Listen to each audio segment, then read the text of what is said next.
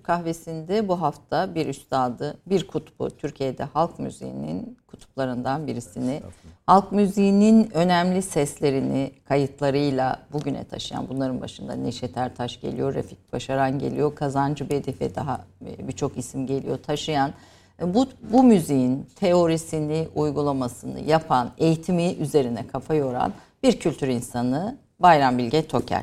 Bayram Bilge Tokel çok uzun süredir e, konuğumuz olmasını arzu ettiğimiz birisiydi. Bugüne ancak kısmet oldu. Hoş geldiniz diyorum teşekkür efendim. ediyorum efendim. Hoş bulduk. E, bir kutupsunuz, bir üstadsınız e, sahanızda e, ve sizden sonra gelenler var. Ama siz bir milat oldunuz Türk halk müziği içinde. Biraz bu süreci e, konuşmak istiyorum. Biraz sizin hikayenizi, biraz Neşet Ertaş'ın. Neşet Ertaş sizinle birlikte Türkiye'ye geldi e, ve sizinle birlikte biz burada onun hikayesini daha yakından tanık olduk ve diğer Türk Türk halk müziğini temsil edenleri konuşmak istiyorum. E, bu şey nasıl başladı bu Türk halk müziğine olan ilginiz, türküyle hikayeniz, evet. bu topraklarla hikayeniz daha doğrusu? Şimdi orada galiba en büyük e, avantajım e, Orta Anadolu'nun ortasından e, Yozgat'ın bir köyünden doğup büyümüş olmanın sanıyorum önemi olsa gerek. İkinci önemli bir nokta rahmetli babam e, çok güzel e, bağlama çalar söylerdi bizim göre e, türkülerini. Oradan bir ırsi bir şey var türkülerle bağlamayla ilgili. Profesyonel sanatçılığı doğrusu hiç ben yani düşünmüyordum. Böyle lise yıllarından itibaren bu işi zevk için e, yaparım falan diye. Yine hep öyle yaptım aslında. O anlamda tırnak içinde profesyonelliği hiçbir zaman benimsemedim ama şartlar öyle gerektirdi.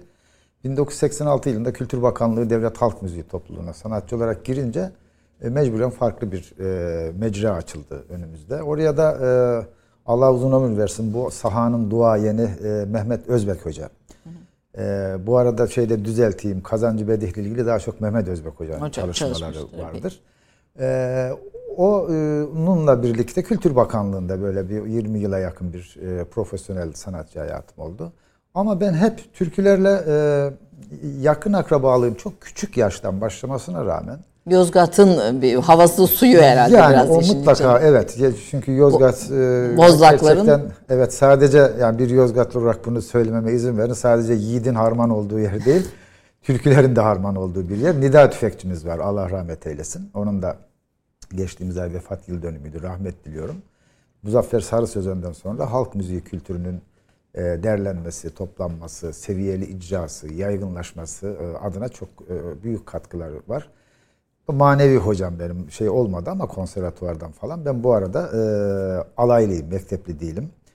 E, yani böyle bir, bir teknik şimdi eğitiminizde zaten Gazi Üniversitesi Teknik evet, Eğitim evet. Fakültesi ama Müzik müzikle ilgili bir teknik konservatuvar eğitiminiz yok. Yok, yok. Alaylıyım o anlamda. Pek çok sanatçılar gibi. Hı.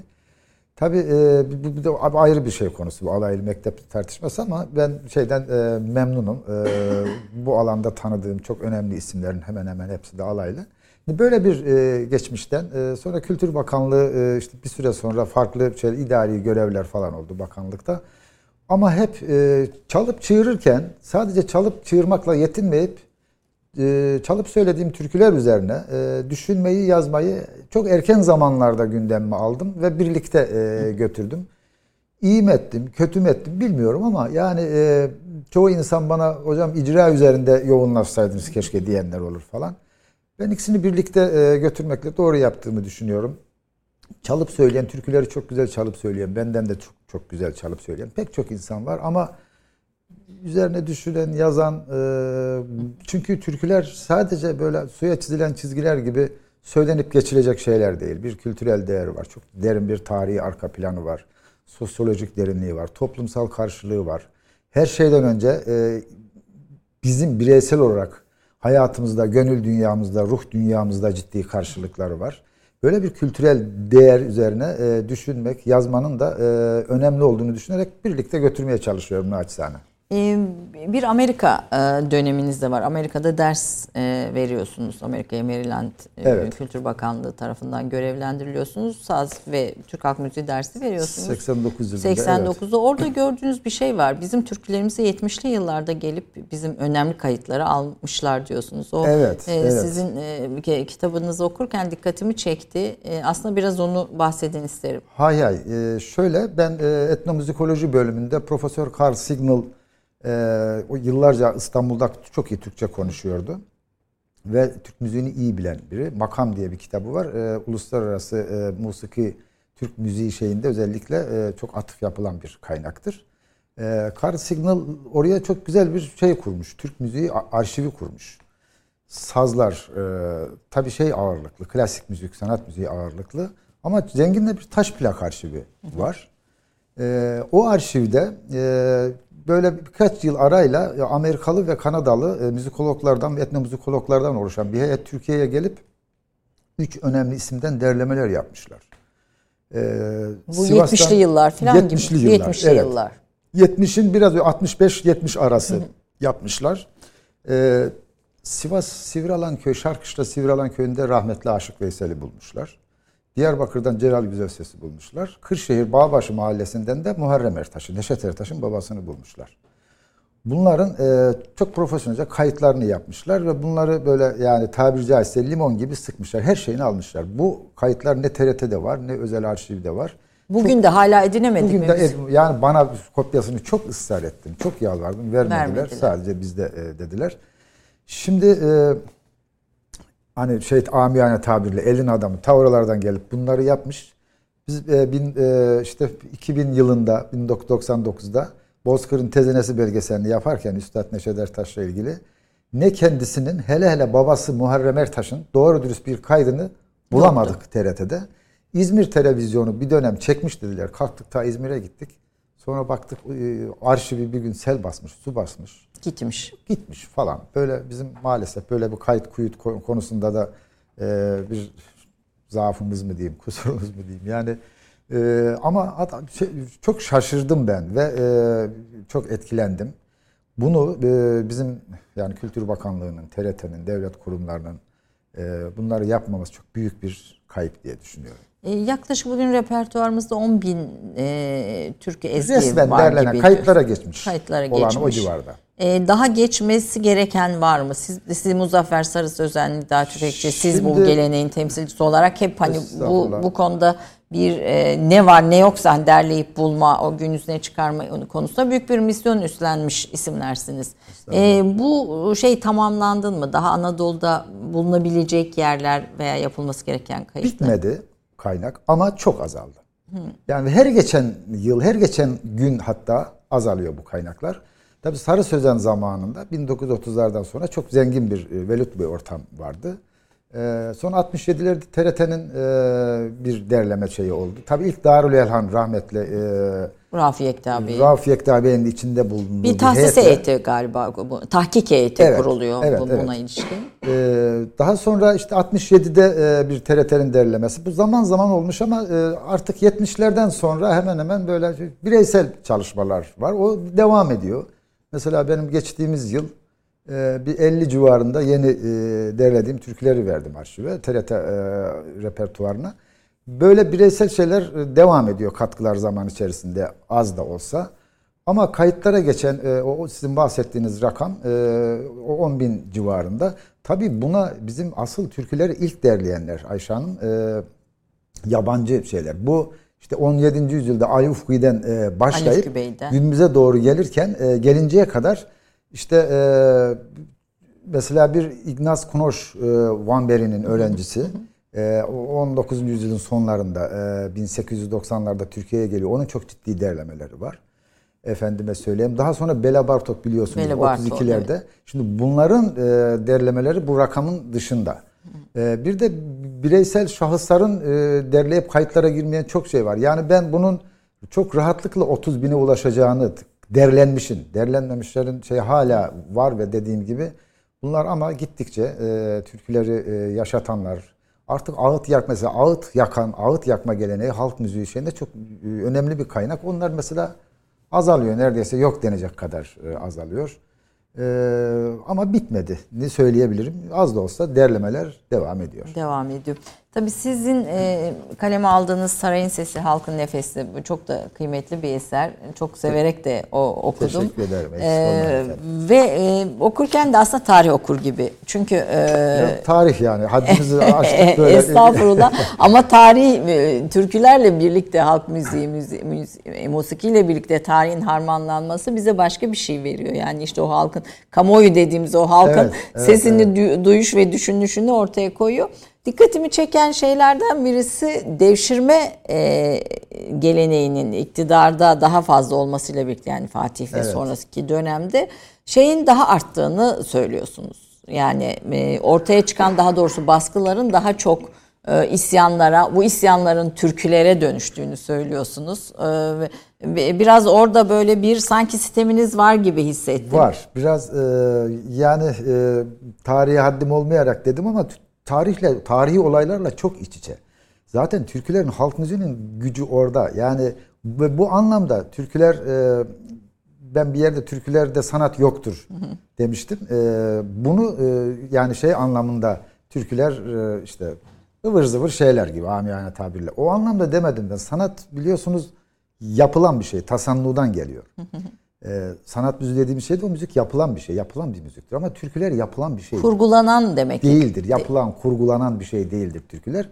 Bu anlamda sanat değildir. Yoksa sanatın alası, şahı, hakikisi başta makamsal e, yapılar olmak üzere bizim türkülerimizde var. Kaynak orası çünkü. Bu bütün dünyada böyle. Yani o kültürlerin, medeniyetlerin halk müziği e, o medeniyetin, o kültürün, o milletin müziğinin e, nazari ve pratik şeylerinin bütününü içerir. Daha sonra e, işte kompozitörler, bestekarlar çıkar, işlerler onu farklı şeyler ortaya çıkar ama asıl kaynak odur. Biz bu asıl kaynakla temas noktasında çok sıkıntı, hep baştan beri sıkıntılar e, yaşadık. Tabii kaynak halk olunca e, halkta ozanlarımız halkın sesi olarak bu yani her dönem ta Orta Asya'dan eli kopuzlu ozanların e, ta Uygurlar zamanından gelen ozanların bile misyonu e, şey tabirle kitabın orta yerinden konuşmak. Acaba kim ne der? Bu laf nereye gider? E, devletlular bunu nasıl bulurlar? Ondan bir yerleri e, Zülfiyare dokunur mu? Bir yerleri ürkütür müyüm? Hesabını çok da fazla yapmadan bu bizim divan şiiri geleneğinde hiciv yazan şairler Nabi başta olmak üzere ve halk müziğinde hemen hemen bütün ozanlar e, böyle bir e, yaklaşımla e, kitabın orta yerinden konuşarak bir anlamda biraz kendilerini de e, özel hayatlarını da sıkıntıya soktular ama tarih bunları bilinmeden yazılırsa eksik kalıyor. Yani bir isyanla mesela Karacaoğlan, Dadaloğlu, işte Celali isyanları. Evet. Hani bütün bunlar türkülerde kendini ortaya koyuyor ve dağ, dağa çıkıyorlar. Yani Ferman Padişah'ınsa dağlar bizimdir e, deyip bir şey e, rücu da ediyor. Yani bir eylem de var yani o, tabii, o, tabii. o şeyin içinde, o sözün değişin içinde. Tabii tabii. Yani Dadaloğlu o meşhur Avşar Bozla e, yani Avşarların daha dün denecek kadar bir şey bir önce. E, yani Taha Toros hatıralarında e, Yaşar Kemal de galiba yani e, rahmetli ha- hatırlıyorum bir şey programında konuşmuştu 1940'larda şeyin e, şey 30'larda galiba. E, Dadaloğlu çok geç vefat ediyor. Dadaloğlu'nu biz yani tabii Dadaloğlu'nu pazarda Cumhuriyet'in- Adana pazarında tabii şey Cumhuriyet'in e, İlk şey yıl. ilk yıllarında Cumhuriyet'in baş- başlarında 20. yüzyılın başlarında görenler olmuş. Pardon şeyi görenler Dadaloğlu'nu görenleri dinlemiş Taha Toros tarihte anlatıyor e, bir kitabında. Ama biz bugün mesela Dadaloğlu'nun mezarını falan bilmiyoruz. Mezarı falan yok. Yani şiirleri, sözleri hafızalarda yaşıyor ama Tabii.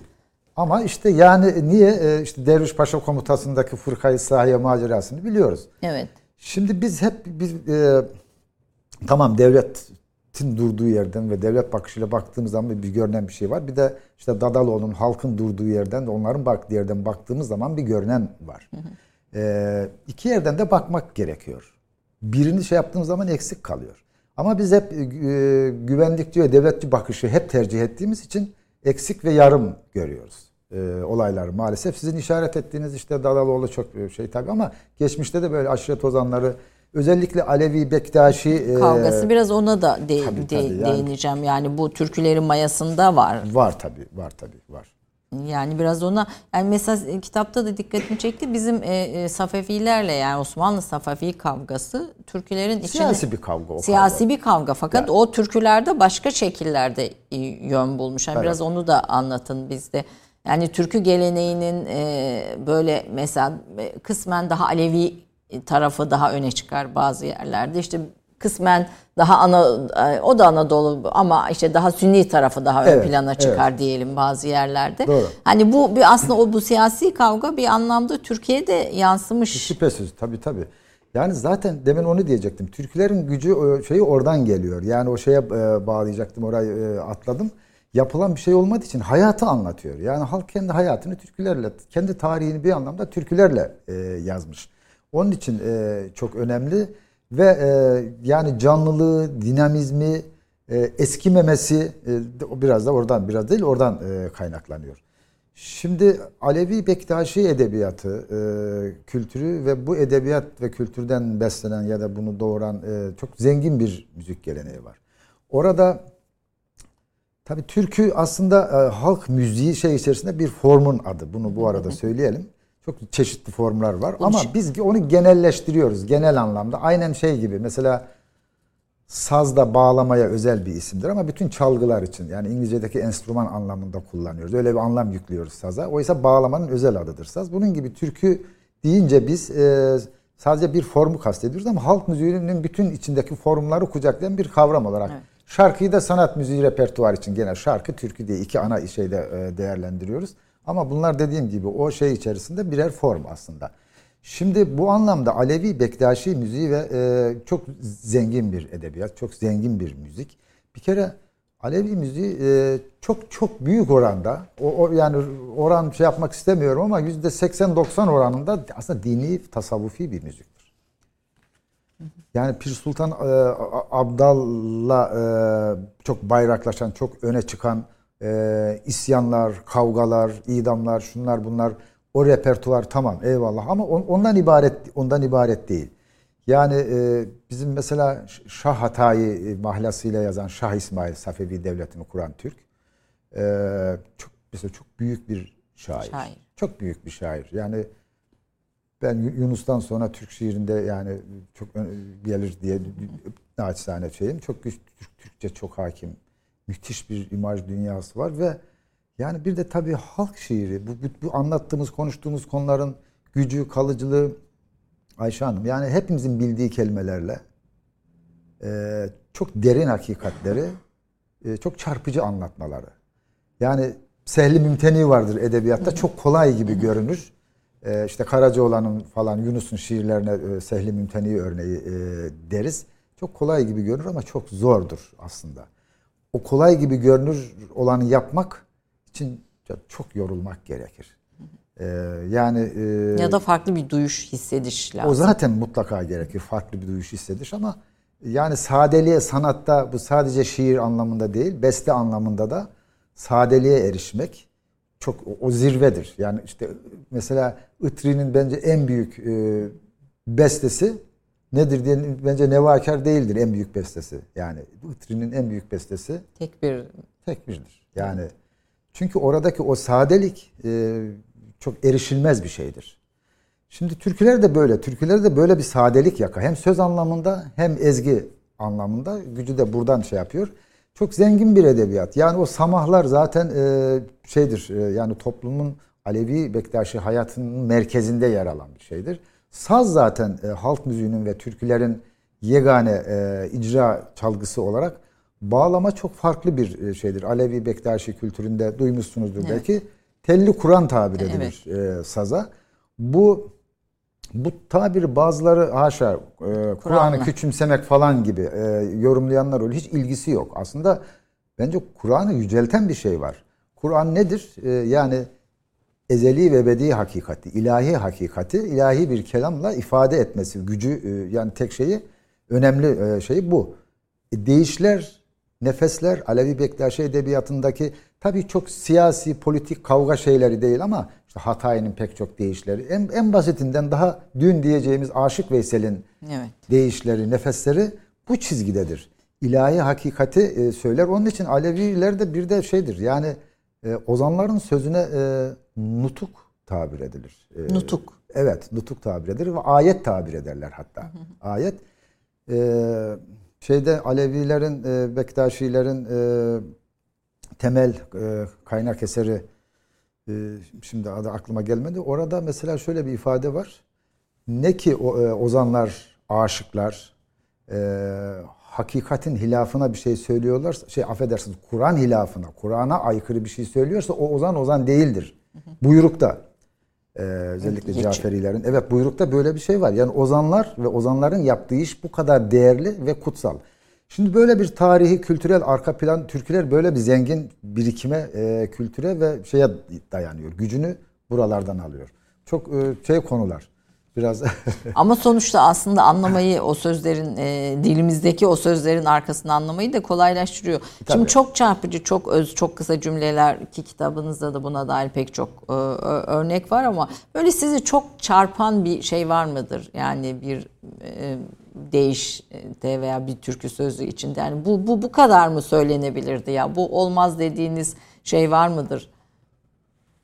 Valla böyle bir tane bir şey söylemem çok zor da bu anlamda çok e, ayıramay ayıramayacağım yani hangisini desem diye ama e, herhalde yani Yunus'tan bir şey aklıma ilk gelir. Yani Yunus Emre e, Yunus Emre'nin dili için bizim edebiyat tarihçileri özellikle e, edebiyatçılar Türkçenin e, süt dişi e, tabirini Türkçenin süt dişi tabirini kullanırlar. Yunus'un zamanındaki 13. yüzyıldaki Türkçe için ama yani bu şeye e, yani ben katılmıyorum. Yunus'un şi Türkçenin deve dişidir şiirleri yani süt dişi falan. Tabii şey olarak Türkçe e, Yunus'un e, Türkçesi deve dişi gibi bir Türkçe yani. bence. Yani e, süt dişi tabiri biraz e, yani işte e, Türkçenin yeni yeni e, gelişmesini kastediyor. Şeyine geldiği dönemi kastediliyor falan ama öyle değildir Yunus'un. Ya bugün bile erişilmez bir şeydir. E, seviyedir Yunus.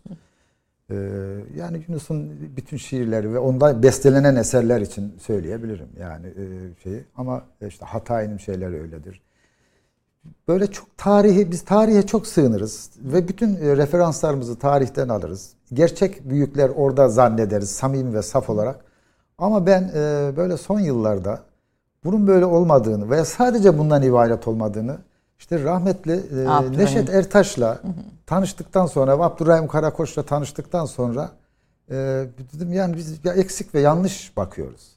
Ve Aşık Veysel'i tanıdık. Yani daha dün öldü sayılır. 1973'te kaybettik Aşık Veysel'i.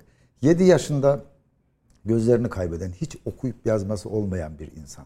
Hani bunların yine okuma yazması var gerçekten. Yani görmüyor da. Görmüyor da görmüyor tabii. Yani da. hiç kitabı yazılı kültür anlamında bir şey. Ama o şiirler nasıl söylenir? Evet. Rahmetli Anna Maria Schimmel belki tanımışsınızdır. Tanırım evet bir Alman. Bir, evet bir şeyde bir beraber tefekkir. olduk tesadüfen Hamburg'da bir üniversiteye davet etmişlerdi beni. O gün onun da konferansı varmış Hı-hı. orada. Ee, trenle gece dönecekken e, tabii ben tan ben onu tanıyorum. Hı-hı. O beni tanımıyor ama halk müziği Türkiye'den gelen işte bağlama, saz, türkü biri var falan deyince kalmış sağ olsun lütfetmiş. Ben izlemiş. Programdan sonra e, böyle ayaküstü konuştuk. Şey dedi bana. Ben dedi bu Batılılara, bizimkilere bir şey anlatmakta güçlük çekiyorum dedi. Hani işte Fuzuli'yi, Baki'yi, Nedim'i anlatıyoruz da falan bu e, şeyleri.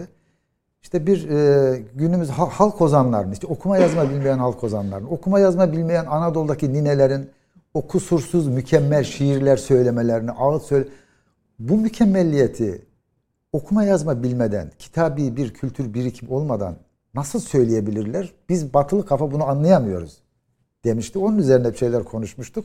Şimdi hakikaten bu e, yani bir batılı kafan bunu anlaması mümkün değil. Bu bir, bir irfani kültür, irfani gelenek dediğimiz şey çok farklı bir şey. Batı'da maalesef bu eksik. Ama bizde yeteri kadar e, yani bunu öneminin farkında mıyız? Olduğunu sanmıyorum. Yani, yani biz de bu biz maalesef. de bu kıymetin yeteri kadar e, farkında e, değiliz. Sanki e, de, öyle de, görünüyor. Öyle de, görünüyor. diye düşünüyorsunuz. Şimdi şeyle geleceğim aslında Neşet Ertaş kısmı önemli çünkü Neşet Ertaş bir sembol de bir isim e, ama e, işte, e, onun öncesinde biraz bizim halk müziğine verdiğimiz kıymeti de çok kısa sizden dinlemek istiyorum. Yani e, Osmanlı saray müziği biraz daha e, yaşatılıyor diyelim. Çünkü yazıya geçiyor, kayda geçiyor, nota Evet, vesaire evet, evet. bir takım en azından nakil noktasında. Enderun Fakat var. Oralarda Ende- icra ediliyor, yaşatılıyor falan tabii. Yani Evet. bestecilere caize ödüller, paralar veriliyor, destekleniyor falan. Yani korunuyor, kullanıyor açıkçası. Ama yani. halk müziğinde yani halkın içinde Yok, çalınan müzikte böyle bir şey yok. Yani kulaktan kulağa Yani gölge edilmesi başka ihsan istediği yok halkın da bir de gölge ediliyor. Yani nasıl de- gölge ediliyor? Yani e, aslında e, devlet denen aygıtın e, bu bizde çok daha belirgindir. Osmanlı'da Cumhuriyet'in ilk yıllarında bu çok belirgindir. Halkla ve halkın sadece halkın kendisine değil halkın temsil ettiği değerlerle, halkın diliyle, kültürüyle, inancıyla, kılık kıyafetiyle, şusuyla, busuyla genellikle kavgalıdır bizde. Biz bunu mesela Cumhuriyetle başlatırız. ve işte ayyuka çıktı falan filan deriz. Bunun evveliyatı çok daha Osmanlı döneminde. çok daha fazla var. Çok daha fazla var. O bir devlet geleneğini devam al, ediyor. Bana öyle alıyor. geliyor Evet. yani. Bir, bir, bir devlet refleksi e, sanki. Yani biz e, yani böyle olunca e, halkın değerleri e, işte ihmal edilebilir. Önemsiz, mecbur kalınırsa ancak kale alınıyor falan filan. Şimdi de, demokrasilerde biraz mecburiyetten e, siyasi şeylerle kale alınıyor da Cumhuriyet'in ilk yıllarında Osmanlı'nın zamanında o ihmal edilen e, işte halk kültürü ve bu kültürden beslenen e, sözlü halk edebiyatı şeyleri e, derlenin, toparlansın falan diye işte e, rahmetli e, Ziya Gökalp'ın bu anlamda önemli gayretleri var. İttihat Terakki bu işi ciddiye alıyor. Yani İttihat Terakki iktidara geldiğinde enteresandır. Yani yöneteceği toplum nasıl bir toplum e, bunu merak edip bir toplumsal araştırma şeyi kuruyor. Mesela Alevi Bektaşileri Baha Said diye bir araştırmacıya veriyor. Nedir bunlar? Dertleri ne? Sıkıntıları ne?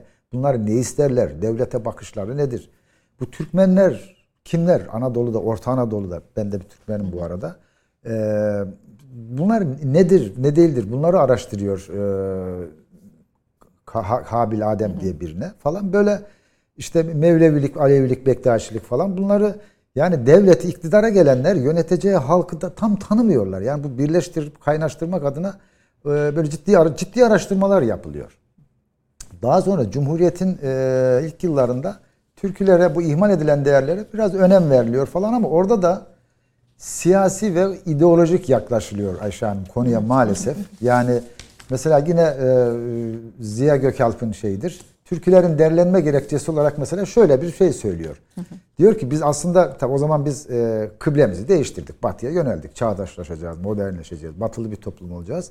Ve burada da türküleri derleyelim. Bu türküleri e, Batı'nın müzik kurallarına göre yani çok seslendirelim. E, bunları çağdaş hale getirelim. Onun için türküler der. Yani türküler bir manivela gibi kullanılmak isteniyor. İdeolojiyi besleyen bir manivela yani gibi. evet bu o da olmuyor. Bizim ilk e, Türk beşleri dediğimiz çok sesli Evet. Türk müziğinin öncüleri mesela orada onlar e, doğru yolu tutsalardı bugün bu müzikle ilgili bu kavgalar, gürültüler, bu çekişmeler, bu şeylerin hiçbiri olmazdı. Azeriler bunu yapmışlar büyük ölçüde. Üzeyir Hacıbeyli bir O- deha. evet o dikkatimi çekti. Bunu, bu- Bunu orada bir Azerbaycan'da yapmış. Azerbaycan'da böyle sanat müziği, halk müziği, tek sesli, çok sesli, yok türkü, şarkı bö- böyle bir kavga yok. Yani e, niye olsun ki? Yani temelinde, işin temelinde bizim türkü karşılığı onların mahnı dedikleri değerler var. Onun üzerine Üzeyir, Üzeyir Hacıbeyli sistemini kurmuş. E tabi 1920'lerde konservatuvar kurulmuş. Bizde konservatuvar daha dün yani 1986 86'da evet. kuruldu ilk konservatuvarımız. O vakte kadar Türk halk müziğinin eğitildiği bir eğitim kurumumuz yok. Formel bir eğitim 1986'ya alınan kadar. bir ortam yok. Ee, tabii siz e, kitapta da var Adnan Saygun'a ve o ekibe e, stajyeriniz de var yani sonuçta de- bu türkülerin toplanması konusunda. Biraz önce bir iddiatçının gözüyle türkü ve bozlak diye ben de kitabı okurken dikkatimi çekti. Hasan Bahri'nin yazısından e, o 1916 Anadolu Köy Düğünleri diye bir kitap e, yazıyor. E, ama kaba buluyor. Yani bu bu aydının ve Çok. entelektüelin Türkiye bakışının Maalesef, da bir şeyi. maalesef. Kaba ve terbiye görmemiş sesleriyle gazelimsi e, işte e, şeyleriyle sözleri saçma sapan sözler diyor mesela gazelimsi. saçma- Gazelimsi dediği, eff- affedersiniz o Kırşehir'den bir- derlemesi var. Bu demin bahsettiğim İttihat Terakki'nin o e, şey çalışmaları, toplumsal e, çalışmaları şeyinde buna öyle bir görev verildiği yok ama bu çok böyle aşırı şey biri belli ki radikal biri. radikal şeyi, batılı, batıcı birisi biri, demek istiyoruz. Evet, evet. Kendi durumdan vazife çıkarıp kendisini bir şey yapıyor. Bunda kitaplaştırmış. Gazelimsi dediği Kırşehir'de şey havalar arasında okunan bozaklar. Kırşehir'deki tabi o zaman da tarihten beri abdallar oradaki Neşet Ertaş'ın ve Muharrem Ertaş'ın mensup olduğu şeyi bile bilmiyor yani o gazelimsi derken işte böyle uzun şeyler söyleyen uzun ses türkü değil kırık hava değil anlamında. O bozak hiçbir haberi yok hiçbir şeyden haberi yok. Bütün şeyi cehaleti yani o o vatandaşın. Aslında sizin tabii Sarı Sözen'den başlayarak Nida Tüfekçi ile ve sizin yaptığınız şey aslında hem bu cehaletin üstündeki perdeyi kaldırmak, arkasındaki irfanı, bilgiyi süzmek yani, ve bugüne taşımak. Ha, bir tür arkeolojik kazı gibi aslında sizin eyvallah, çalışmalarınız eyvallah, Türk e, Türk halk müziği e, içinde.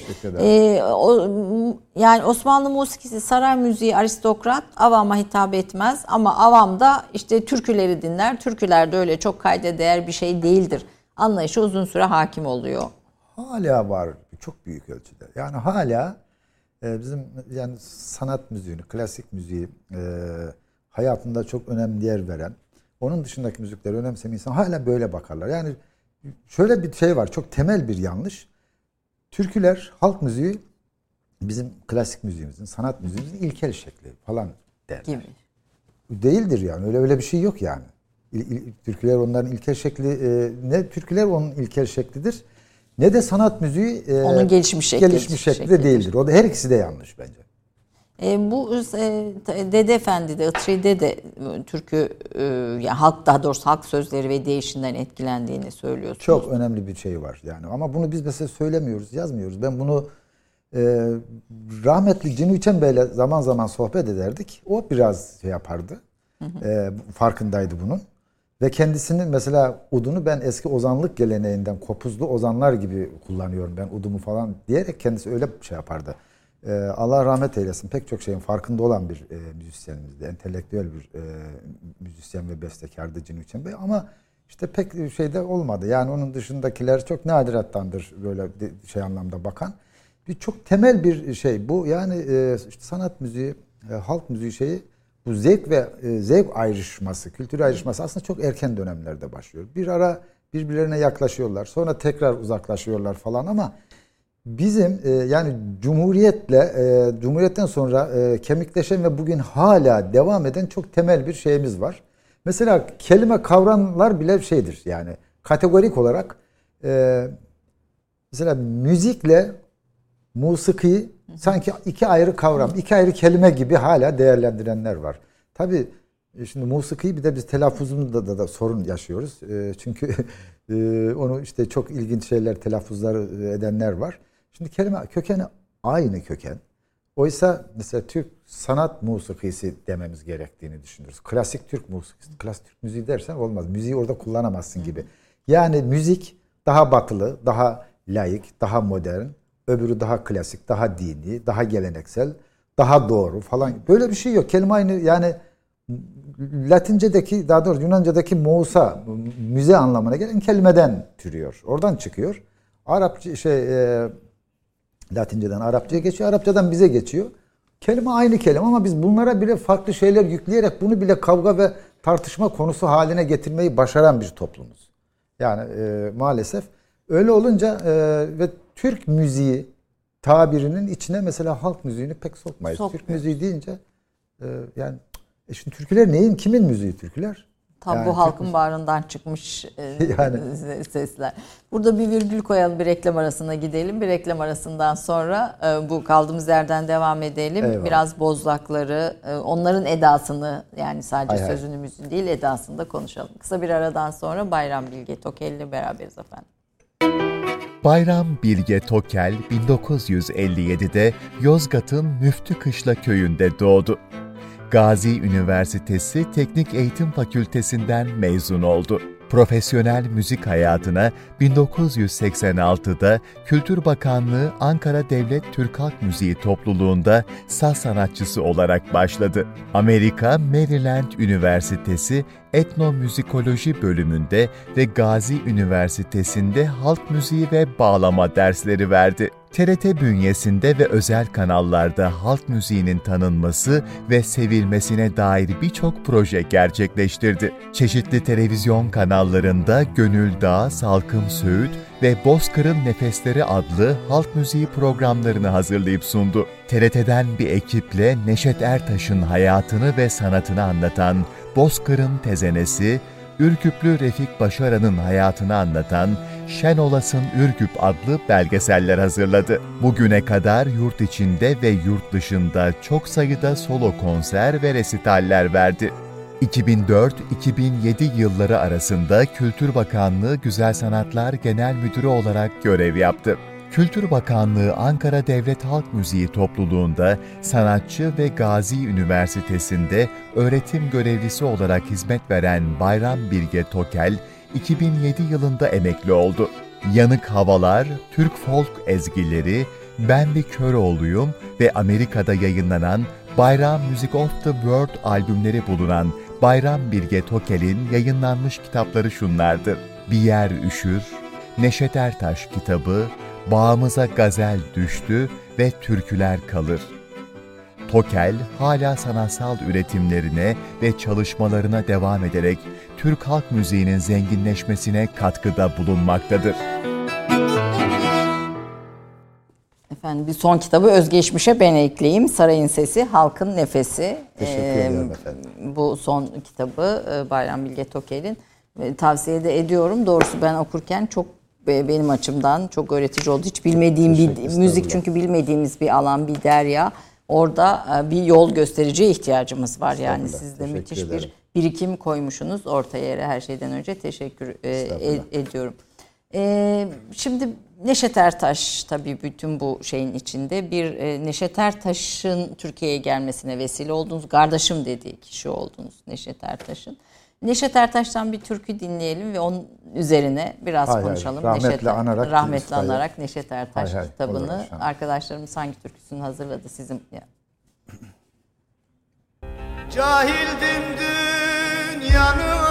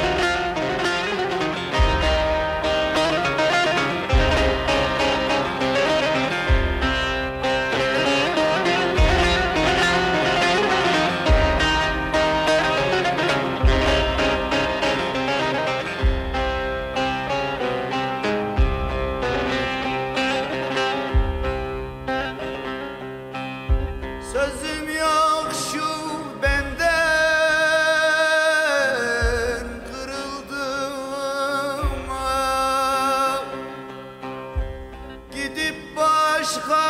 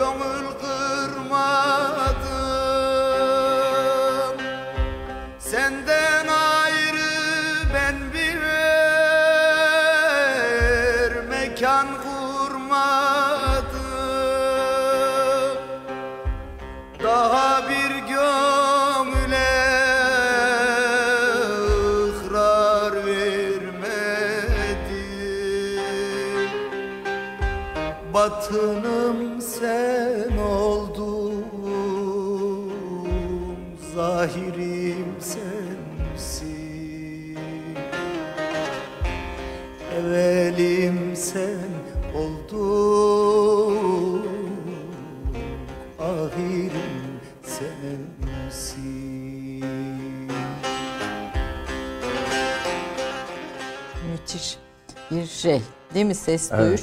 Şimdi bu sözler yani sonuçta Neşet Ertaş da eğitim adı alaylı yani tabii, yetişmiş. alaylı, tabii, alay tabii. ilk şey 14 yaşında dolduruyor ilk Okula planı. hiç gitmemiş. Kendi sonradan öğrenmiş okuma yazmayı. E, Hiç ilkokul filan da Yok, hiç gitmemiş.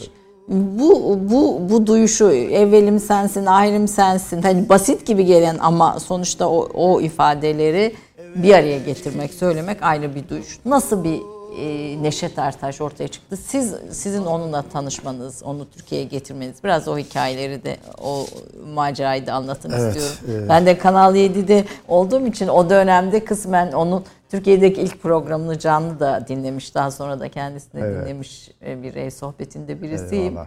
E, sahiden başka bir e, havası vardı. Kesinlikle. Ee, ben tabii e, çok 5-6 yaşlarındayken Ankara e, Radyosu'nun sabah e, istekler programında ilk böyle çocuktum. Neşet Ertaş'ı keşfettiğim dediğim.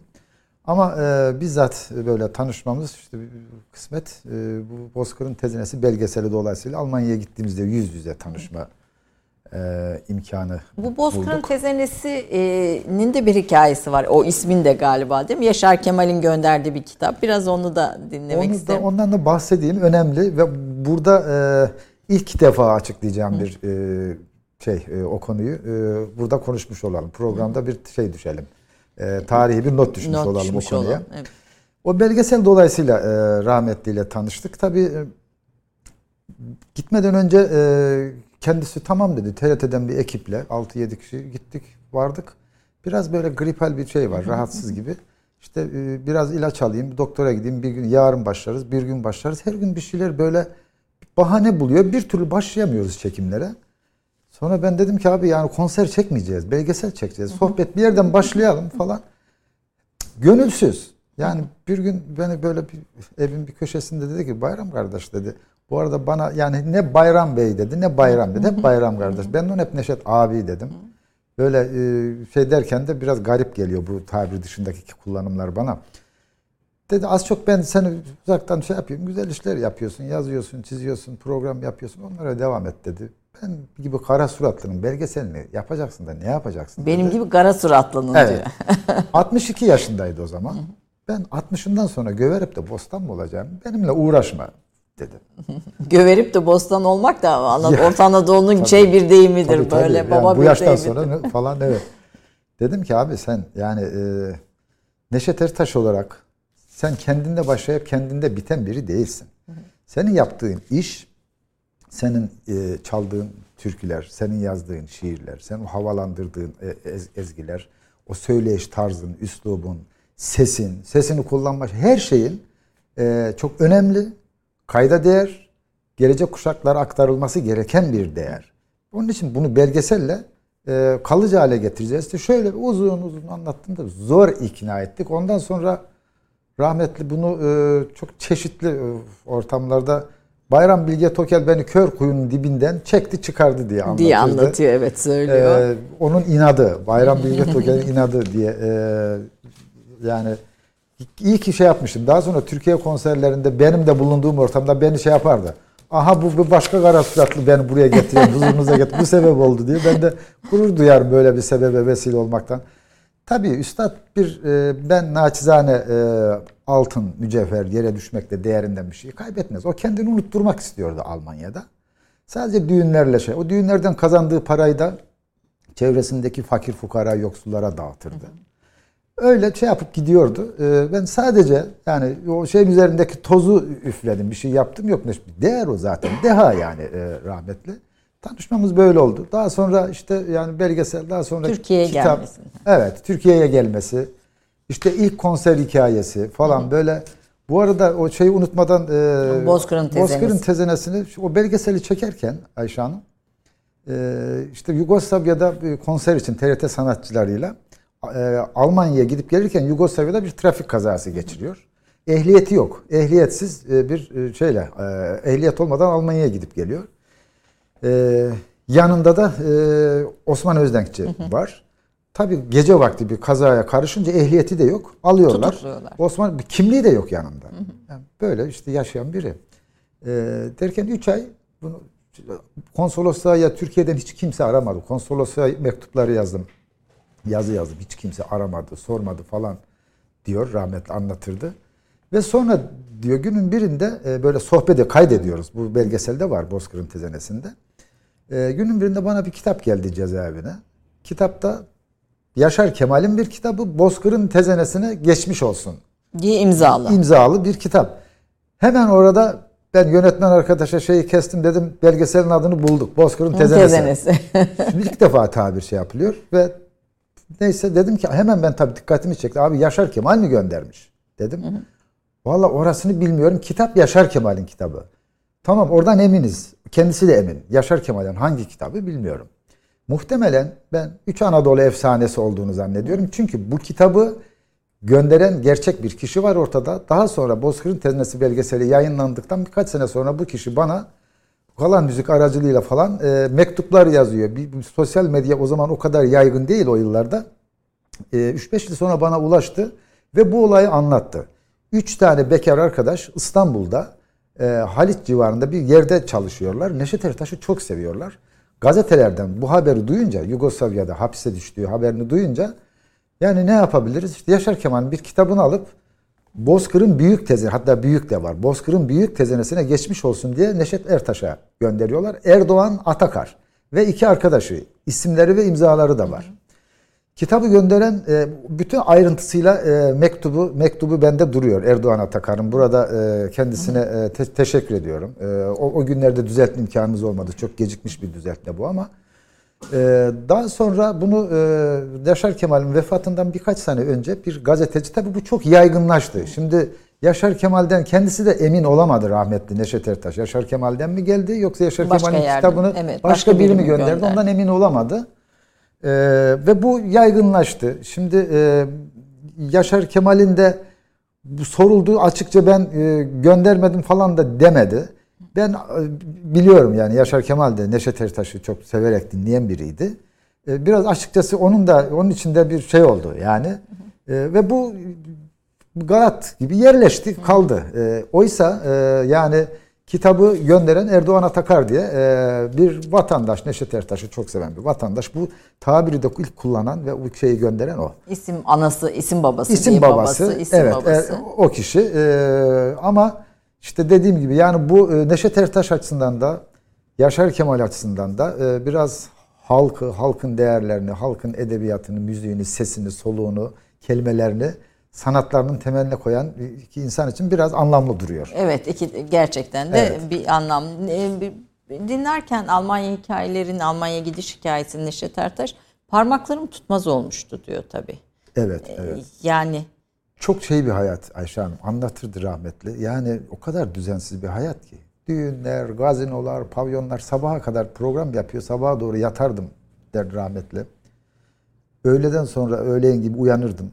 Uyandığımda yastığımın başucumda bir yarımlık dururdu rakı. Onu susuz içmeden kendime gelemezdim. Öyle bir hayat. Ee, ve tabii felç geçiriyor sahnede. Burada bir yıl kadar bir tedavi süreci var. Ee, şey bulamıyor, e, rahatsızlığı tedavi edilemiyor. Ağabeyisi e, Allah rahmet eylesin onu da 3 sene önce kaybettik, 4 sene önce kaybettik. Necati şeyde, Necati abi Almanya'da buna istek yapıyor. Tedavi maksadıyla Almanya'ya yanına götürüyor ve gidiş o gidiş orada kalıyor. Birkaç sene sonra ben çocuklarını yanına aldırdı. E, üç tane e, Neşet Ertaş'ın e, şeyine layık, gerçekten değerine layık üç evladı var. Böyle ben onlar kardeşlerim. Onlar o gelenek baba. sürüyor mu onlarda da biraz? Yani e, şeyde e, tabii Abdallarda kızlarda şey yoktur. E, hiç Abdal hanım sanatçı duydunuz mu? Yok duymadım ben Söylemezler onu da onlar. soracaktım merak ettim. Yani mesela bu babadan oğula geçen babadan kıza geçen bir gelenek gibi değil sanki. Yani şöyle yani ben e, Allahü Teala'nın bunların çocuklarına verim kızlarına vermeyin bu yeteneği Tabii. diyeceğini sanmıyorum ama yani kızlarda da mutlaka vardır fakat biraz gelenek biraz orada çok farklı bir o hiyerarşi saygı şey çok e, önemli. Şimdi bakın Hüseyin Ertaş oğlu e, yıllardır bu sanatı e, yapıyor Almanya'da. O da düğünlere gidiyor, konserler veriyor. İlk tanıdığımda bu vefatından sonra bir gün bana dedi ki abi ben dedi gittiğim hiçbir yerde, bulunduğum hiçbir ortamda ben Neşet Ertaş'ın oğlu oğluyum demem ve kimse benim Almanya'da Neşet çok yakın akrabalarım, dostlarım hariç dedi. Neşet Ertaş'ın oğlu olduğumu bilmezler dedi. Niye Hüseyin dedim. Bakın inceleye bakın. Ben bir kusurum, bir zaafım, bir eksikliğim olursa O babama. o babama mal edilir. İşte Necdet Ertaş'ın oğlu. Ve Böyle bir şey gelmemesi için babama ben bunu hala bu şeyini devam ettiriyor. Ta ki bir artık son bir yıldır ayyuka çıkan çok rahatsız eden aslında Türkiye'de e, samimi Neşet Ertaş severleri de rahatsız eden ailesi kadar hepimizi çok çok rahatsız eden bir olay gelişme oldu film konusu. Ondan dolayı e, ilk defa kamuoyuna e, çıktılar. İlk defa bir televizyona çıkıp basın açıklaması falan yaptılar. Üç kardeş. E, yoksa kendileri hiç kendi köşelerinde kendi mütevazı hayatlarını seviyeli, olgun bir şekilde devam ettiriyorlardı. Babalarına zarar vermemek Evet. için. Ee, Neşet Ertaş'ın bir e, kendi sesinden aslında kendi hikayesinden küçük bir bölüm sizin yaptığınız bir programdan Elgesel'den mümkünse onu da izleyelim, Vallahi dinleyelim. Dinleyelim. Sallanı sallanı gelen yar mola Yar mola Yar mola Kaç yaşında burada? 62 yaşında 62 belgeseli yaşında, çektiğimiz belgeseli dönem. çektiğiniz. Köln'deki Berkay'ımdaki evi. size has bir teknik ve çalma tavrı. Bunu e, Neşet Ertaş'ın sesinden ve düşüncelerinden e, öğrenmek isteriz efendim. E, bu e, sorduğumuz soruların babalarımız zamanında bu sazların düzgün bir saz e, bulmanın imkanı yoktu. E, öyle bilirim ki e, koyun bağırsaklarından temizlerlerdi, iplik haline getirirlerdi, kurudurlardı, perde bağlarlardı. Onlar da zamanla tiftir. Çok zor zamanlarda saz çaldılar. Ama bizim zamanımıza gelince imkanlar çoğaldı, saz yapanlar çoğaldı. Ben bu arada arayış içine girdim. Ee, babalarımız e, çoğur düzeni çaldığı halde bu tamburayı düşledim ben. Tat, aradım kendimce. E, bu kendi ruhuma göre aradım sazın sesini. Sallanı sallanı gelen yar mola Bu herhalde sizin de birlikte birlikte söylediğiniz de bir sahne ol- olacaktı. Kendi ruhuma göre aradım sazın sesini Evet, diyor. Yani Nasıl güzel bir ifade bu yani böyle bir hani bir saz e, siz bunu e, yazılarınızda da çok dile getiriyorsunuz. Yani bu bir saz çalma tekniği, çok iyi saz çalma tekniğini bilmek, söz şey. e, çok iyi şiir okumak, yazmak filan değil. Baş bir yiğitçe de bir duruş diyorsunuz buna. Evet, Yani yiğitçe duruş derken aslında biraz onu da altını çizin isterim. Yani şöyle biz tabii e, Neşet Ertaş bir bağlama virtüözü. Müthiş bir ses, sesini kullanması, sazı, her şeyi e, çok olağanüstü, çok Birlikte herhalde Sıra çaldığınız dışı. şey mi? Hedis Bey. Evet herhalde. Ha benim son program Salkım Söğüt programından bu. Bu Salkım Söğüt'ten evet. Ülkede yaptığım evet.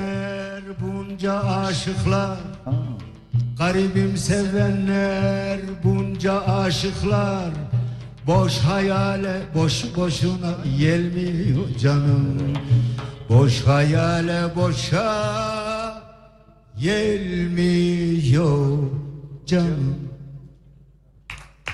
Ee, Neşet Ertaş'la birlikte çalıp söylediniz. Bu Salkım Evet. Söğüt kaç yıl bu? Bunun aslında keşke büyük bir kaydı olsa da yayınlasak sonraki dönemlerde. Ülke arşivinde vardır Bu de herhalde. Ülke TV'nin arşivinde TV'nin vardır, arşivinde olması var. İnşallah vardır. Yani bu şimdi şöyle. e, 1999'da ilk programı Kanal 7'de Gönül Dağı 5 saat süren bir canlı yayın. Onu az önce söyledim Evet izlemişsiniz. izledim ya bu muhteşem da bir şeydi. bu da ülkede e, üç buçuk saat süren son televizyon programı. Bunlar ikisi de e, bu Çok yönleriyle de kıymetli. çok tarihi ve çok önemli.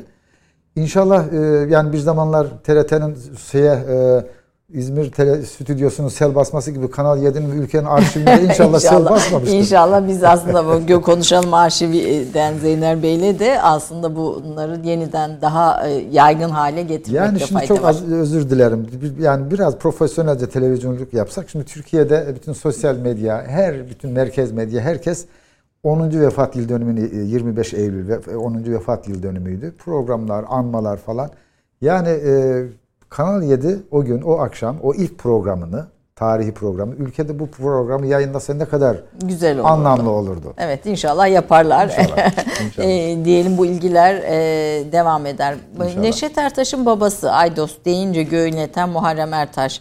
E, bu konuda da çok güzel bir yazınız var. Kitapta da yer alıyor. Ayrıca da e, bulmak e, önemli. E, onun e, Neşet Ertaş babasının ardından Bozlak formunda Deli Boran adlı bir ağıt okuyor. Feth olurdu feryadını dinleyen, feryadı içinde derdini anlayan, kuşlar gibi viranede ünleyen, ecinlice deli Boran'ım nerede diye. Ee, biraz Muharrem Ertaş'ın şeyini, e, farkını da e, anlatalım istiyorum. Yani bunların niye e, izleyicilerimiz de bizim zihnimizde de yani türkü çığıran insanların ötesinde isimler bunlar. Evet, eyvallah. Bu arada ben Yani bir deha da diyebiliriz yani aslında bugünün diliyle deha diyebiliriz. Unutmadan bir şey söyleyeyim. Bugüne kadar ben e, yani bu, bu, bu şurada bu programda konuştuğumuz konularla ilgili pek çok e, program yaptım. Röportajlar yaptım. Televizyon programlarımda falan. Ama bu kadar böyle e, emekleriniz için Yok, çok teşekkür ediyorum. Böyle gerçekten e, yani bunu yüzünüze söylemek Yok, biraz şey gibi ama yani e, hakikat bazı şeylerin söylenmesi Yok, lazım. Emeğiniz için çok teşekkür ediyorum. Hiç bu kadar kimse şey yapmamıştı. Ee, sağ olun, var olun. Ee, bu kültür adına da çok teşekkür ediyorum. Usta, e, Muharrem Usta e, rahmetli insan velisi derdi babasına. O arkasından söylediği bir başka ağıtta insan velisini neyledin dünya der. Muharrem Ertaş'ı öyle anlatırdı. İnsan Muharrem- velisi ne kadar Evet. güzel bir tanımlama Evet, ama. insan yani. velisi. Ee, şimdi nasıl, neresinden başlamalı? Muharrem Ertaş, e, Neşet Ertaş ben sanatımın yüzde 95'ini, yüzde 98'ini derdi bazen rahmetli, babama borçluyum derdi. Bu şu demek değil, babası hiçbir zaman, hiçbir gün e, ki 5-6 yaşından itibaren yanına alıyor. Birlikte düğünlere gidiyorlar. Ama hiçbir gün işte oğlum gel yanıma otur. Bak bu saz, bu böyle akort edilir. Bu türkü böyle çalınır. Bu burasını böyle yapman lazım. Bu tezene böyle vur. Hiç böyle bu anlamda bir e, şey yok. E, bir formel bir e, Bilgi geçişi yok. bilgi geçişi yok. Böyle bilgi aktarımı yok Duyuyor, kulağıyla duyduğunu çalıyor. duyuyor ve bir de yani e, işte biz babamla aynı ruhduk. Aynı ruhu şey yapardık ve aynı gönüller biz derdi rahmetli. E, aynı şeyleri hissederdik derdi. Aynı gönül insanlarıyız derdi. Gönül kavramı e, Neşet Ertaş'ın sanatında, abdal müziğinde, abdal kültüründe çok çok önemli bir kavram. E, gönül bizim biliyorsunuz geleneğimizde de gönül Kabe'dir. Gönül Allah'ın evidir. E, Veysel bile onu yani Yunus'ta geçer. Veysel'de e, hangi şiirinde diyor? E, bu eğlenecek yer bulmazdın gönlümdeki köşk olmasa. E, Bir gönüle girmeyince Evet, e, yani işte o işte o gönül, o gönül gönüle hizmet, hakka hizmet derdi rahmetli. E, o canlı konserlerinde hep çıktığında şeyi söylerdi. Ben ayaklarınızın turabı, gönüllerinizin hizmetçisiyim. Gönül, o gönül diye telaffuz. Gönül telaffuzu evet.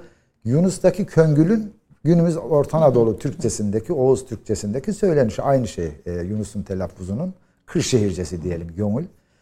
Ve biz gönül bizim silahımız derdi. Silah kelimesini ağzına alırken bile şey, şey yapmaz ama mecbur kaldığı için e, kullanırdı. Biz gönülle güldürür, gönülle ağlatırız derdi. Gönüllü sanatının merkezine alırdı ve bu Muharrem Ertaş'ta zirvedeydi bu. Yani gönül insanı ve gönül adamı. Bu şey o kadar ki e, babası ben babamın yanında sazı elim alıp bir bozlak okumaya cesaret edemedim hiçbir zaman derdi. Neşet Ertaş, Muharrem Ertaş'ın karşısında hiç okumamış. cesaret edemiyor bozlak okumaya tabii. Sadece ağırlaştığında bir vefatından önce böyle bir gelip gitmesi var ağırlaştı diye geldiğinde e, Almanya'dan e, Neşet abi rahmetli. Muharrem Usta e, demiş e, şey yap e, bir- şeyler çal söyle falan. Orada önce kendisi e, alıp bir şeyler söylemiş falan. Yeniden Neşet Ertaş beni görünce dirildi falan diye anlatırdı. Şimdi böyle bir baba, böyle bir e, baba oğul ilişkisi Ve e, çok şey onun dinlerken babasını dinlerken duygulanırdı. Şey yapardı böyle. Bozlak okumak için yaratılmış bir ses diyorsunuz. Yani bozlak Muharrem Ertaş için evet. Yani Muharrem Ertaş zaten o şeyle e, böyle kırık hava türkü formunda şeyler söylediği şeyler de var ama asıl bozlaklar. Tabi bozlak bizim Orta Orta Asya'dan e, buralara gelirken Anadolu'ya gelirken Ayşe Hanım e, benim e, şeyim bu bunda e, yanıldığımı da hiç düşünmüyorum. O kervan, göç kervanlarının en kutsal, en ağır, en değerli yüküydü herhalde kopuzlar. Kopuzların telleriyle biz bu kültürü buraya taşıdık. Ee, Anadolu'ya. Ve bu kültürün temelinde de bozlak var. Zaten bizim aslında halk müziği kültürümüzün temelinde genel anlamda uzun hava dediğimiz bozlak bunun içinde bir formdur. biraz ağıt biraz. Ağıtlar da aynı şey işte. A- Ağıtlar, ondan sonra bozlaklar, baraklar. e, bunlar e, aynı e, müzikal formun farklı kültürel havzalarda aldığı şekiller.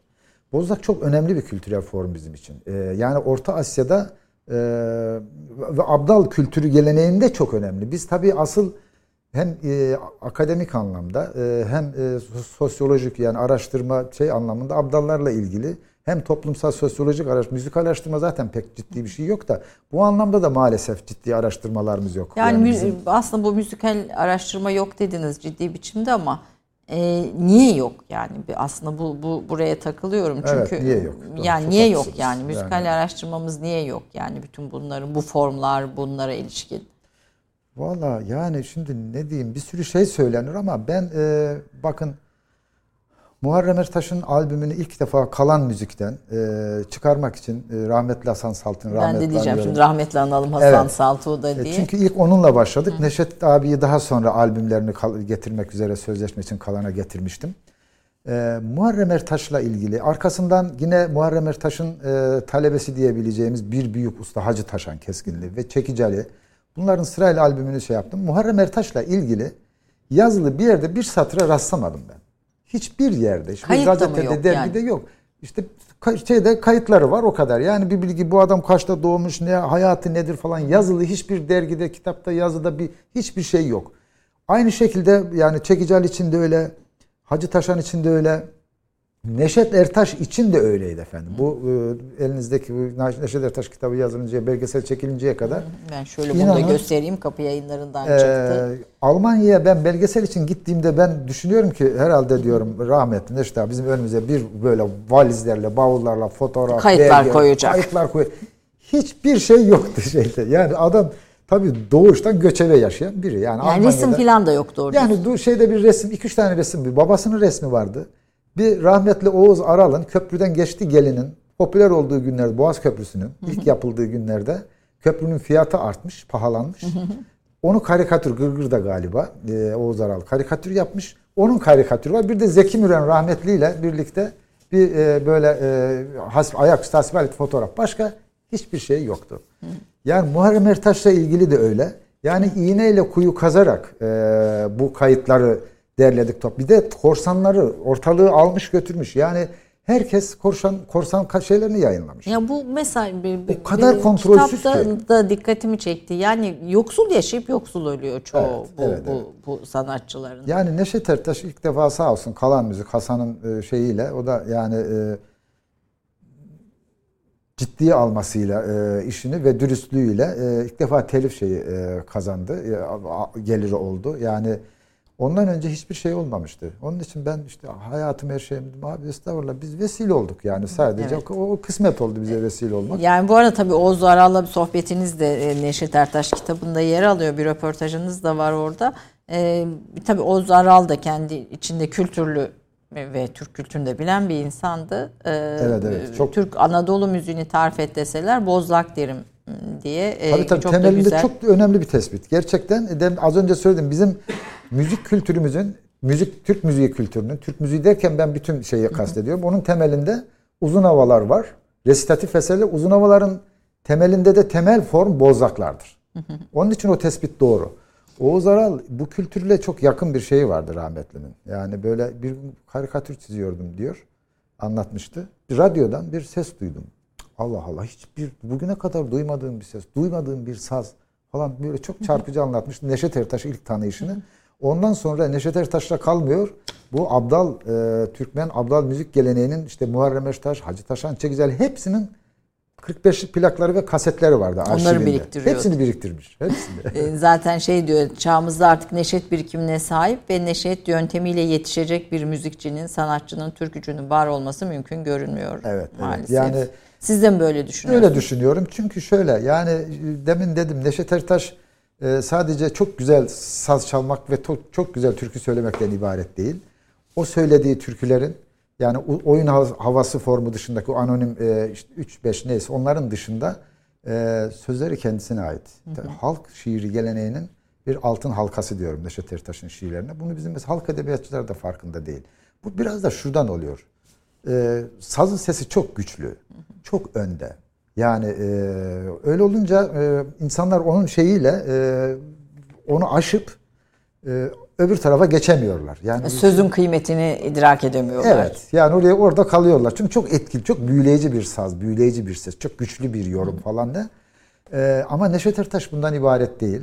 Yani e, demin yayında mı konuştuk, arada mı konuştuk e, bilmiyorum ama yani yeni Neşet Ertaşlar gibi bir Evet şeyler arada konuşalım. sordum var mı şu anda yeni bir Evet Neşet şimdi Ertaş? eğer yani Neşet Ertaş'ı böyle işte güzel çalıp söyleyen anlamında sırf bununla sınırlarsak var bir sürü var. Geçmişte de oldu. Gelecekte de olacak. Olur. Yani en azından e, rahmetli bizim e, Abdallar dedi karınca gibi kaynıyorlar maşallah derdi. Hakikaten öyle. Abdallah karınca gibi evet kaynıyor yani maşallah. Çok gerçekten öyle ama şimdi ya bunların hiçbirinin babası Muharrem Ertaş değil. Yani e, öyle bir şey yok. Neşet Ertaş'ın e, Muharrem Ertaş'a karşı olan şeyinden bunu biliyoruz. Yani e, sanatında çok büyük. Bir e, Yani 6 Yani- yaşına itibaren yetiştiği Tabii. bir kaynak, bir ocak Tabii, var tabii. yani. O ocak. Yani rahmetliyle de biz bakışarak şey yaparız derdi. Yani bakışarak anlaşmak, saatler bir şey diyerek e, ne demek? Biz de rahmetliyle böyle çok e, sabahlardık. Sabahlara kadar böyle bir saat iki saat sessiz oturduğumuz olurdu. Karşılıklı. Ve ya çok yoğun konuştuk falan. Biraz sohbet edelim de şeye başlardık gerçekten. Yani böyle e, Ya, hal İnsan bir muhitin de tabii bu halin bu hali anlayacak, geçirecek bir muhite de ihtiyaç var. Yani bu tek başına değil e, Evet, bu evet, bu evet, bu hali. En çok neyi dert ederdi? Yani kendine mesele ettiği, dert ettiği şey neydi? Vallahi e, yani öyle bir hayat yaşamış ki Ayşe Hanım. Ben kahkaha atarak hayatımda hiç gülmedim. Bayram kardeş dedi bir gün içim cız etti. Gerçekten doğrudur. Yani o şimdi bizim içimize dokunan, içimizi kanatan, bir yerlerimizde acıtan o türküler. O türkülerin bütün sözleri Neşet Ertaş'ın hayatında karşılığı olan şeyler. Hiç yani zaten sanatı Neşet Ertaş böyle e, gösteriş olsun, artistlik olsun falan diye ye- değil bir türkü, bir mısrağı bile yok öyle yani.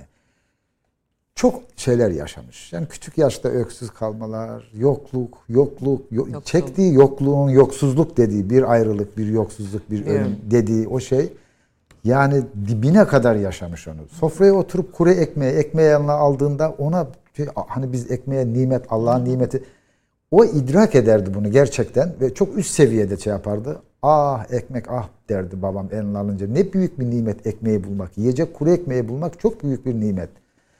Böyle bir şeyden e, geliyor. Yani böyle Yani bir bütün bunlar acı, acılar sonra bir çok gönül macerası var. Yani e, aşık adam. Yani düğünlere gidiyor. Bir Türkmen kızı diyor. e, Aşık oldum. Ondan sonra bir daha görmüyor onu. Hiçbir zaman görmüyor. Bu meşhur bir türküsü vardır. Ee, şey e, Leyla mı? yok Leyla, Leyla değil. E, neyse şimdi aklıma gelir. E, şimdi o, o türküyü yaktığı e, Kar Yerköy'de bir- yağdırdım başa Leyla Yok değil. yok o değil. O, Le- Leyla türküsü değil. Ee, şimdi aklıma gelir. Onu mesela bir düğünde gördüğü ve bir daha hiçbir zaman görmediği aradan 50-55 sene geçtikten sonra vefat haberini aldığı e, bir hanımefendi. Kim abi bu dediğimde ismini dedi çocukları torunları yaşıyorsa duyarlar saygısızlık olur diye ismini bir Allah biliyor dedi. Onu bir de ben biliyorum dedi. Sonra dayanamadı. Bana emanet etti. Bir de sana söylüyorum dedi. O bende emanet tabii. Benimle gidecek o isim. Ee, bugün bana bir hal oldu. Yerden kara haber. Vay vay dünya. Hı, Vay vay dünya mü- müthiş bir Evet. şeydi. Şimdi o, o türkü böyle çok ritmik hareketli bir türkü. Sözünü dinlemeseniz böyle oyun havası gibi. Ama bu kadar böyle acı, o kadar dinamik, ritmik bir şeyle nasıl anlatılır? Neşet bir- bir- Ertaş'a has bir şey. Bu müthiş bir deha. Ya bir yani. deha. Gerçekten deha ve taklidi mümkün olmayan Mümkün bir, değil, bir, mümkün bir değil ustalık. E, onu anlamak için aslında Muharrem Ertaş'ı da bu ozan geleneğini de herhalde çok iyi bilmek Tabii, ve anlamak tabii, tabii. gerekiyor. Siz e, bu- bununla birlikte yani hem Türk müziği, e, halk müziği araştırmacısısınız. Yani o teori o, teorisini de yazan, e, çalışan birisiniz. E, şairlerin bugün yaşayan işte şairlerin Abdurrahim Karakoç gibi şairlerin de eserlerini bestelediniz, söylediniz. E, ve bunları e, yaygınlaştırdınız. Mihriban başta olmak üzere. Mihriban benim bestem değil o. Besteniz değil biliyorum Ha, ama evet. sizin hani sizden daha çok Evet. dinlemeye alışkın olduğumuz e, biraz. Abdurrahim Karakoç'tan ve böyle Sezai Karakoç'tan bildiğim kadarıyla bir Evet, besteniz var, evet. E, hangi e, eseriydi Sezai? Çocuk ve anneyi. Çocuk ve anneyi bestelemiştiniz. evet. Sezai Ama Karakoç. albümü almadım. Onu niye almadım? Onu hemen anlatayım. Rahmet dileyerek. Bu vesileyle Üstad'a Sezai Bey'e e, rahmet okumuş olalım.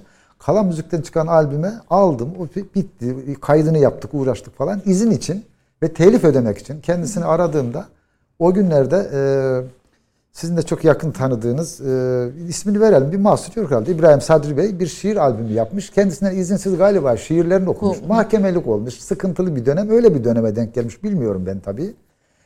Ben e, işte efendim böyle böyle bir şey besledim albümde okuyacağım falan dedim. Ben kendi şiirimi kendim okurum. Başka kimsenin okumasını istemiyorum deyip kestirip attım böyle. Sezai Bey'in tavrıyla. Evet.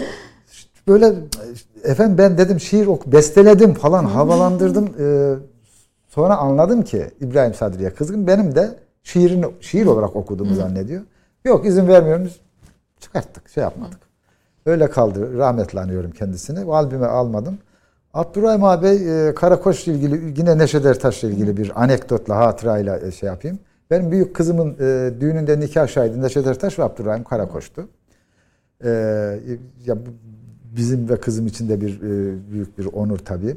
Şimdi rahmetli çıktı böyle bir- birkaç saat program yaptı, şey yaptı falan. Neyse bir gün sonra e, İstanbul'a göndereceğim. Havaalanında, otelde şey yapıyoruz. Abdurrahim abiden bahis açıldı. Bayram kardeş dedi. Akşam dedi o ona da şey derdi. O da bizim gibi bizden karı olan derdi. Abdurrahim o da bizden kara olanlar. Ozanlar bunlar Evet. yani. Çok severdi Abdurrahim Karakoç'u. Akşam ben çıktım dedi milletin e, başını kafasını ağrıttım, başını şişirdim bir sürü. O öyle bir şair oradaydı dedi. Çıkıp bir şiir okumadı. Bu benim hatam. Ben onu çağırmam lazımdı dedi. Çok ayıp ettik. Gidip evine özür dileyelim dedi. Abi dedim uçak kaçırırız. Uçağı İstanbul'da da bir önemli bir işi var falan. Olsun dedi. Bir sonraki uçakta çok ayıp oldu dedi. Gidip özür dileyelim. Dedim abi dur telefon edelim. Telefonla şey yap sen bunu uçağı kaçırmayalım falan diye telefon ettim de. Ee, öyle şey yaptık. Telefonda da rahmetli hiç unutmuyorum. Ee, o da şeyin bir türü. Yani gerçek büyükler, gerçek, Gerçek sanatçılar birbirlerine gerçek çok benziyorlar. eser, evet. Çok benziyorlar. Abdurrahim abi ya bunu söyleyince böyle böyle üstad dedi ben özür dilerim akşam dedi sizi, sizin gibi bir şair oradayken büyük dedi terbiyesizlik yaptım ben falan diye böyle ya dedi Abdurrahim abi usta dedi senin sazın sesin olduğu yerde benim şiirim kim ne yapsın orada Ay, çok Düğün güzel ortamında dedi ya falan böyle yani e, Müthiş insanlardı. Evet, Siz onun evet. şiirlerini de Yani- besteleyerek aslında Çok ve şimdi e, Abdurrahim abinin de Dağ ile Sohbet şeyi o albümde var. Ee, mesela telif için aradığımda ne demek öyle şey mi olur dedi. Sen benim e, eserimi besleyeceksin ben senden para almadı istemedi. Almam dedi. Hayır dedi. Şeyde e, Konya galiba Selçuk e, üniversiteye bağlı mı bir söyleşi yap, yapmışsınız. Daha doğrusu ke- Abdurrahim Karakoç'un. Anma şeyinde. An- Evet. evet. böyle bir programda orada dikkatimi çekti. E, mesela Abdurrahim Karakoç için emekli olduktan sonra sonuçta bir memur, küçük bir memur ve emekli Belediyeden emekli bir memur. Belediyeden emekli bir memur emekli olduktan sonra yazdığı e, gazetede köşe yazısından ilk defa telif alıyor. Yani bir de bu bu yani o kadar halka mal oluyor ki söyledikleri şeyler yani hakları da yeniyor. Yani e, ben üniversite yıllarında e, Ankara'da ülkücülerin karargahı durumundaki site yurdu tabir ederdik. Atatürk öğrenci yurdunda kalırdım. Her akşam bir yurdun kitap satılan bir şeyi vardı. Malum kitaplar orada. Abdurrahim Karakoç'un her akşam bir 15-20 tane en az kitabı gelirdi. Vur emri vardı önce ilk böyle e, ve inan 15-20 dakika içerisinde biterdi. Bu her gün böyle.